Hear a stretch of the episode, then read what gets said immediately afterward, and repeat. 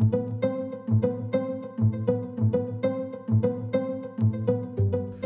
To jeden z najważniejszych polityków w historii Niemiec. Niewykluczone, że najważniejsza niemiecka postać w drugiej połowie XX wieku. Z państwa całkowicie podporządkowanego zachodnim rządom stworzył bogaty i niezależny kraj, który stał się wiodącą siłą w Europie. Pozwolił Niemcom wyzbyć się poczucia klęski. Wprowadził swoją ojczyznę zarówno do NATO, jak i Europejskiej Wspólnoty Gospodarczej. Bohaterem dzisiejszego odcinka będzie Konrad Adenauer, nazywany kanclerzem sukcesu. Zapraszam na ten odcinek serii Po wojnie.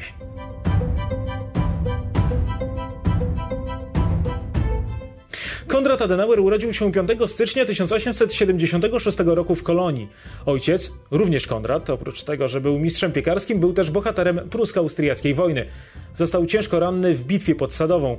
Matka Adenauera była gorliwą katoliczką, stąd też chłopak od pierwszych lat swojego życia był praktykującym katolikiem to wpłynie potem na jego życiowe wybory i sprawi, że stanie się twarzą niemieckiej partii chrześcijańsko-demokratycznej.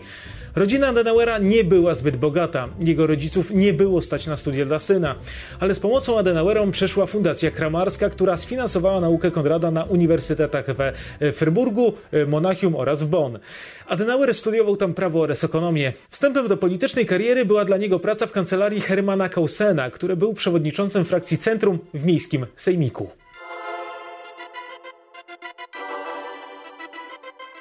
Adenauer, choć może się to wydawać dziwne, patrząc na jego osiągnięcia w polityce międzynarodowej, nie był poliglotą.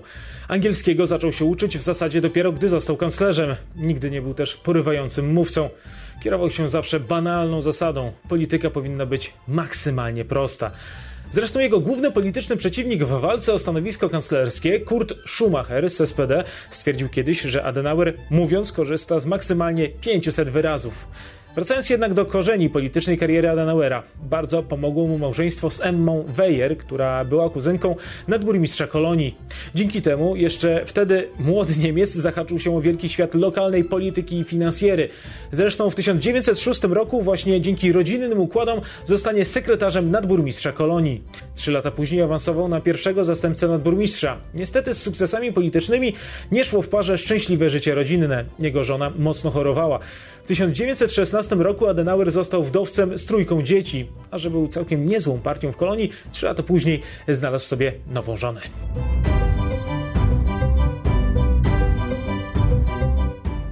1917 roku został najmłodszym nadburmistrzem kolonii.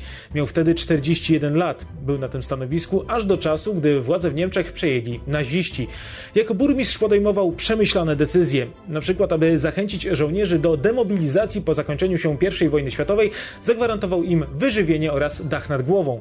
A żeby towarzystwo zbyt mocno się nie rozchodziło, do Renu wylał 300 tysięcy litrów alkoholu. Był przeciwny uzależnianiu państwa od kościoła. Za jego rządów w Kolonii otwarto uniwersytet, zbudowano największy w Niemczech stadion, a także autostradę do Bonn. Dzięki niemu Kolonia stała się jednym z najważniejszych i najbogatszych miast w niemieckim państwie.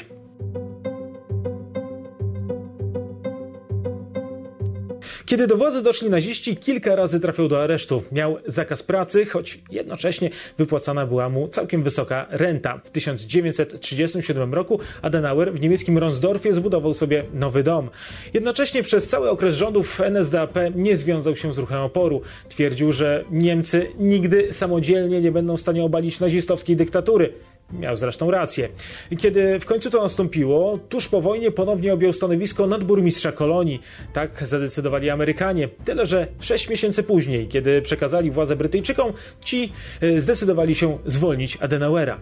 Przyszły kanclerz nigdy im tego nie zapomni. Dlaczego tak się stało? Adenauer nie podobał się rządzącej w Londynie partii pracy. Chrześcijański demokrata na tak wysokim stanowisku to było coś nie do pomyślenia.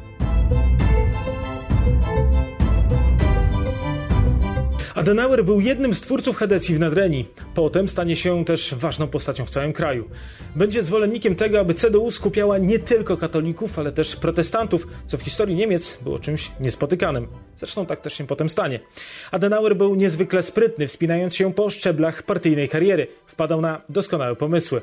Na przykład, e, kiedy organizowano konferencję działaczy CDU-CSU, e, zaproponował, aby zorganizowana ona została w jego domu. Dzięki temu pozycjonował się ponad innymi uczestnikami tego spotkania. Był przeciwny ideom socjalistycznym, co podobało się zarówno Amerykanom, jak i Francuzom. Kiedy doszło do blokady Berlina, z humorem starał się dodawać atuchy swoim rodakom w Berlinie. Powiedział wtedy, może i faktycznie w Berlinie nie jest teraz zbyt ciepło, ale jeszcze zimniej jest na Syberii.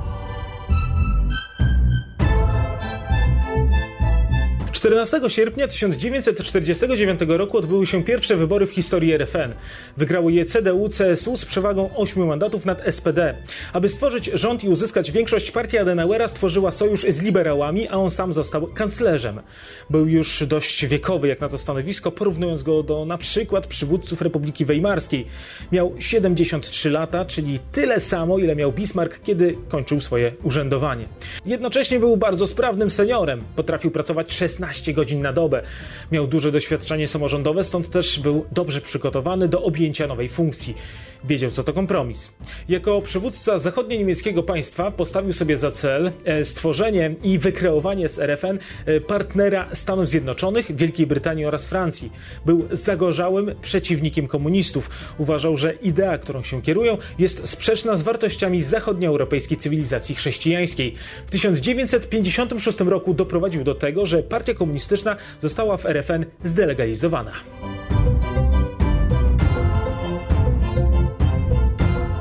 Adenauer bardzo szybko pogodził się z podziałem Niemiec, być może również dlatego, że nie cierpiał Prus. Wielokrotnie podkreślał w prywatnych rozmowach, że świat zachodu kończy się dla niego na łabie. To on był głównym pomysłodawcą ulokowania stolicy RFN w Bonn. Niedaleko był jego dom we wspomnianym Ronsdorfie, ale ciężko powiedzieć, jaki miało to wpływ na wygraną Bonn w tym wyścigu o to zaszczytne miano. Być może chodziło o to, że gdyby stolicą został na przykład Frankfurt albo y, Kolonia, potem, jeżeli Niemcy w końcu by się zjednoczyły, bardzo ciężko byłoby zmienić siedzibę rządu. Podobno jeden z amerykańskich dziennikarzy miał nawet napisać, że Bonn jest dwukrotnie mniejsze od cmentarza w Chicago.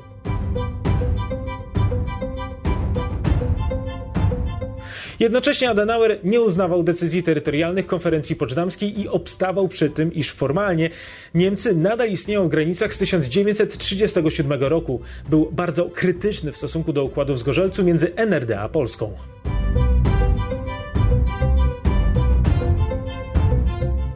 Niemiecki kanclerz doskonale rozumiał, że przyszłość RFN leży w dobrych relacjach z Zachodem, z jak najczęstszymi kontaktami i wzajemnymi układami.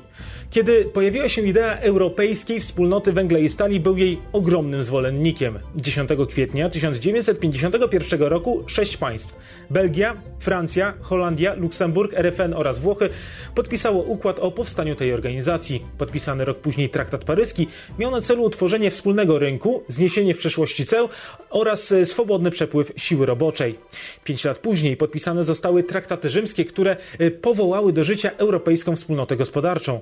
Kolejnym elementem wzmocnienia znaczenia RFN na arenie międzynarodowej było utworzenie Bundeswehry oraz włączenie zachodnich Niemiec do struktur NATO w 1955 roku. Zachód wyraźnie w ten sposób sygnalizował, że zmienił swoje wyobrażenia o Niemcach i od teraz są pełnoprawnymi sojusznikami w walce z komunizmem.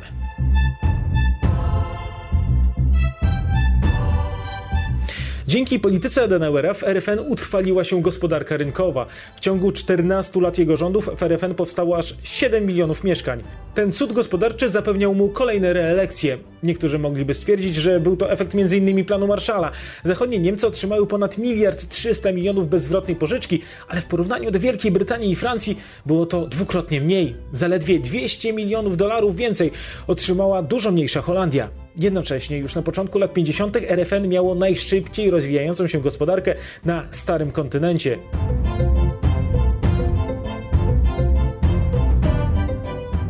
W wyborach do Bundestagu w 1953 roku CDU-CSU powiększyło swoją przewagę nad SPD, zdobywając ponad 45% głosów.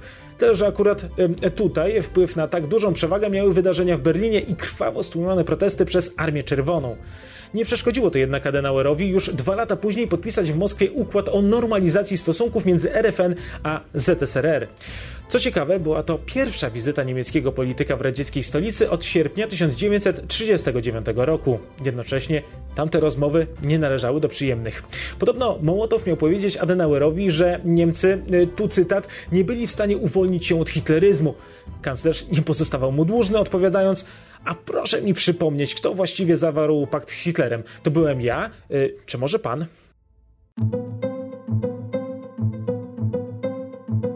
Rząd Adenauera wprowadził tak zwaną dynamiczną emeryturę. Zakładała ona wzrost świadczeń emerytalnych podobny w stosunku do wzrostu płac. Wzmacniająca się gospodarka wraz z reformami społecznymi sprawiło, że w wyborach do Bundestagu w 1957 roku partia Adenauera zdobyła ponad 50% głosów. Była to kadencja normalizowania stosunków z Francuzami, z którymi Niemcy skonfliktowani byli już od wieków. Adenauer i de Gaulle potrafili się dogadać, a nic tak nie łączy jak wspólna sprawa. Tym razem chodzi zmniejszenie wpływów Amerykanów w Europie. W 1962 roku w katedrze w Remy, gdzie dawniej koronowani byli francuscy królowie, doszło do symbolicznego niemiecko-francuskiego pojednania. Rok później oba państwa podpisały układ o współpracy.